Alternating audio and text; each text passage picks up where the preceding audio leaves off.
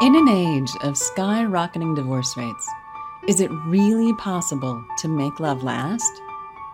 Welcome to the Falling in Love Forever show with doctors Barbara and Michael Grossman, the well known relationship experts and best selling authors of The Marriage Map book. Each week, they share the latest information to help you enjoy your romantic partnerships so you can fall in love forever. Here are your hosts, Doctors Barbara and Michael Grossman. Hi, I'm Dr. Michael Grossman, anti-aging physician. I'm Dr. Barbara Grossman, private practice in marriage, family, and child counseling. We are thrilled to talk to you today about the most important factors in longevity, which integrate the kind of things that I do and the kind of things that my wife Barbara does. We are writing a book, Barbara and I, mostly written, called Ageless Love The Sexy Science of Falling in Love Forever. So, what's the relationship between falling in love forever and longevity? The answer is really very dramatic and very surprising. You want to tell us about the research, Barbara? Yeah, I've been following George Vaillant's uh, grant study at Harvard University for about uh, 40 years. Um, and now it's an 80 year long study, which he, he um, reviewed and connected with um, Harvard, Harvard men. At the time, Harvard was a, uh, basically a men's college.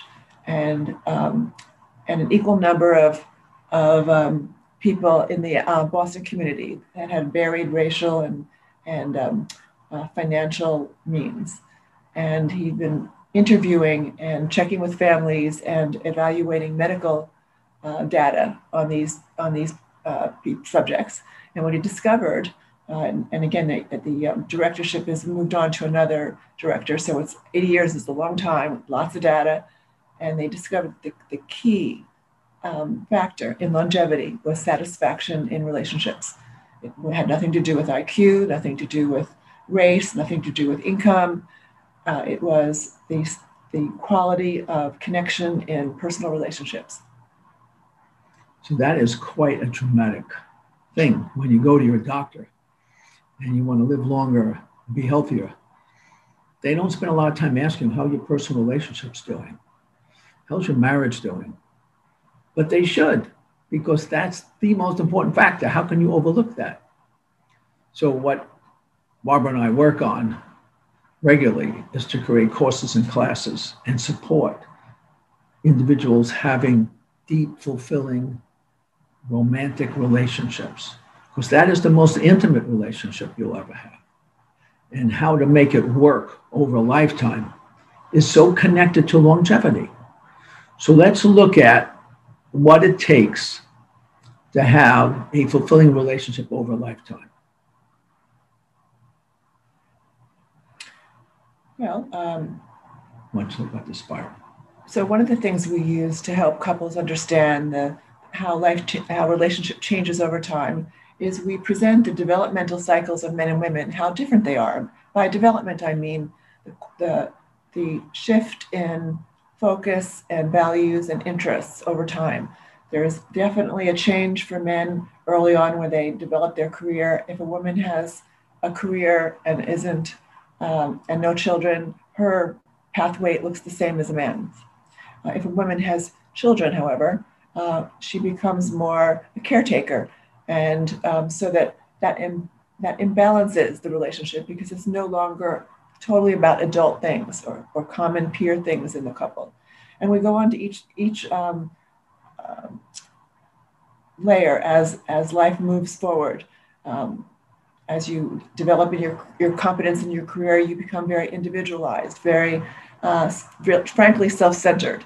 And that's a time that's critical for couples because they can get into conflicts that really don't need to be conflicts if they have additional skills. And so we help couples gaining skills so that they can maintain two points of view in conversations where formerly it would have been uncomfortable or testy. And uh, so that's, a, that's one of the key um, learning we we invite people to understand so that they don't take conflict so personally and they learn how to talk together about important things. So, to go into this into some more clarification, when you first fall in love in your 20s, you're going to just want to be together and love each other, and it's so lovely, so nice, and you're in love. And then after five or 10 years, it kind of wears off a bit. And then you're left experiencing a different kind of thing happening. You begin to feel some distance from your romantic partner. And you begin to move into another phase of life at the same time, as Dr. Barb describes. You, you, you, you start moving out of the, the phase of just being totally connected to your uh, uh, romantic partner to wanting more space, to wanting to do your own thing more. And that's an inevitable thing. That's part of the development of a human being. It's going to happen that way. And once you understand that big picture, then you don't get so upset that, oh, well, you know, I, it's not working out with my partner now because I'm feeling differently. No, it's, it's, it's going to happen. It's just the nature of human beings to develop in a certain way. And this development, you move from your 20s into your, your 30s or early 40s, you start feeling the need for more independence, more, you want to have your own space to accomplish and achieve, and, and you don't want so much of just connection. That happens. So when you see the big picture that that's going to happen, and then you're going to go back to feeling more connected again over time, like five or 10 years later. So once you see that big picture, it opens up that in your own mind that it's this is okay. This is not like a bad thing that's happening. This is like some inevitable change that happens to people.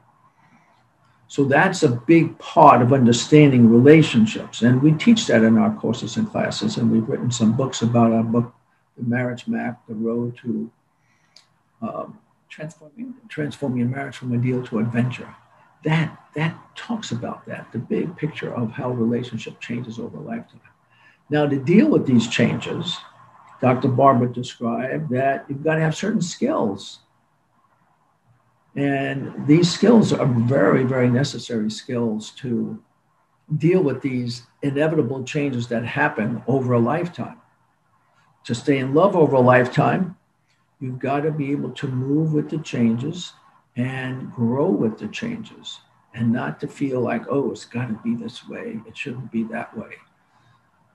So we have at least three ideas that we can share with you today for what these skills are that you need to have to make a relationship romantically last for a lifetime. Skill number one, would you like to talk about um, if you're not listening? All right. So we there's some concepts we talk about, just like this that, this idea of how we don't stay the same over our adult life. There's many chapters in adult life that um, make us different. The um, uh, there's another concept we talk about with our couples about how it's important to maintain um, stability as well as mystery. And so we have these ideas that we then want to make make real. And it's all of these great concepts are supported by skills that, where you learn to be open, authentic, and sharing your thoughts and feelings. You, where you learn, you know how to ask for the behaviors that make you feel respected or appreciated. Um, you need to be able to translate a strong feeling into what will work for you in this moment.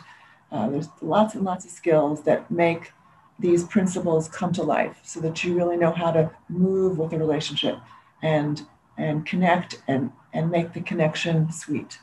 We want that for you. That invigorates you. It's so healthy for you to feel connected and to feel understood and to be okay with your differences and feel respected with your differences. That just it, it has a soothing effect to your whole nervous system. So important. So to make that happen, we can talk about the first skill, which is if you're not listening to your partner without interrupting them, then you're not really listening. That means when your partner has some upsets or concerns, your job is not to convince them that you're right and they're wrong. Your job is to listen to them to hear their point of view and to let your partner know that you care about how they see the world and how they feel about it. In order to do that, you've got to be a good listener. You've got to listen. Got to spend a minute or two really listening, not trying to convince them, not interrupting them and saying, well, you shouldn't feel that way. No, you just listen to them. That's so important to keep that intimate connection going with your partner so that they can feel like you really care about them. So, skill number two we can talk about. Skill number two, we can talk about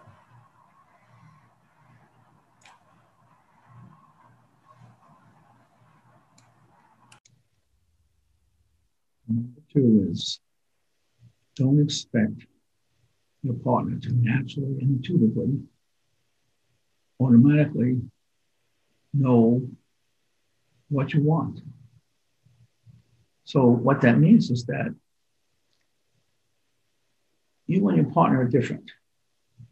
And in the beginning, your partner just seems to know what you want and just asks you what makes you happy and so on. But after a while, she thinks she knows what makes you happy. But you're changing, they're changing.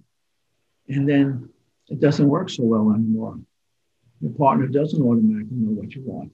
You need to be able to express to your partner what to do. And if you just keep getting upset at your partner because they're not knowing what you want, that's a big problem.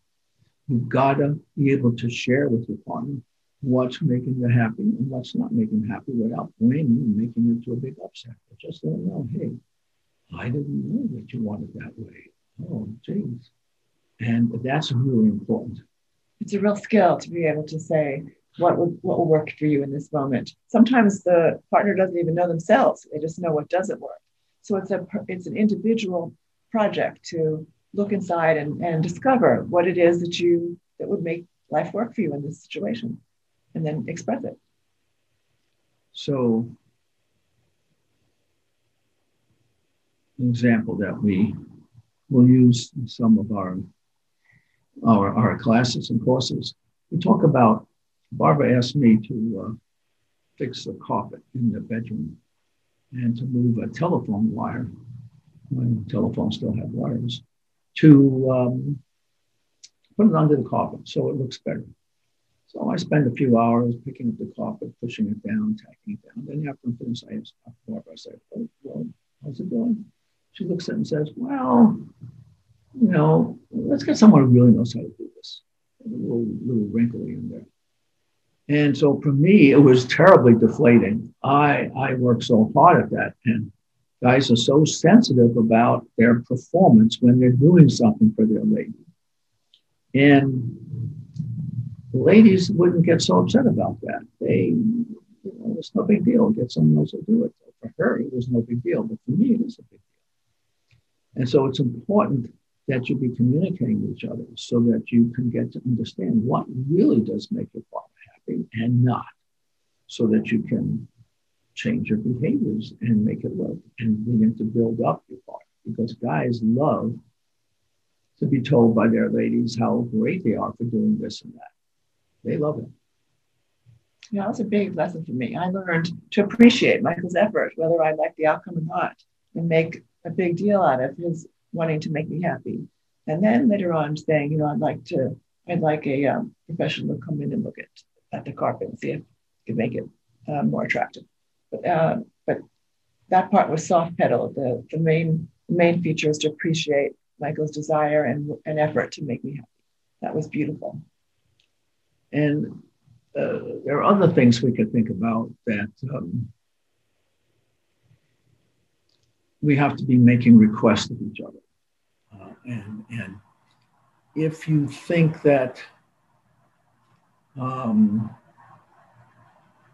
in, in your relationship that, that um, you, you kind of understand each other completely and you know what each other likes and wants and so on, that's also a problem because then you miss all the changes that occur in your partner you want to have that fresh, open look and really be able to know what's making your partner happy and not.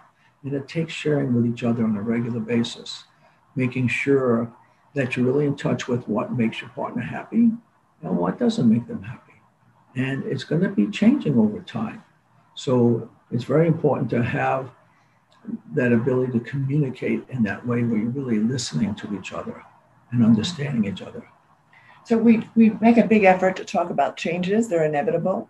And we do that, first of all, so that you understand when it occurs, there's nothing wrong. We also want you to know that if you if you were both to stay the same over 20, 30, 40, 50 years, that would be boring. And that um, continuously evolving as people do over a, a, a thoughtful lifetime actually continues to create mystery and excitement in a relationship.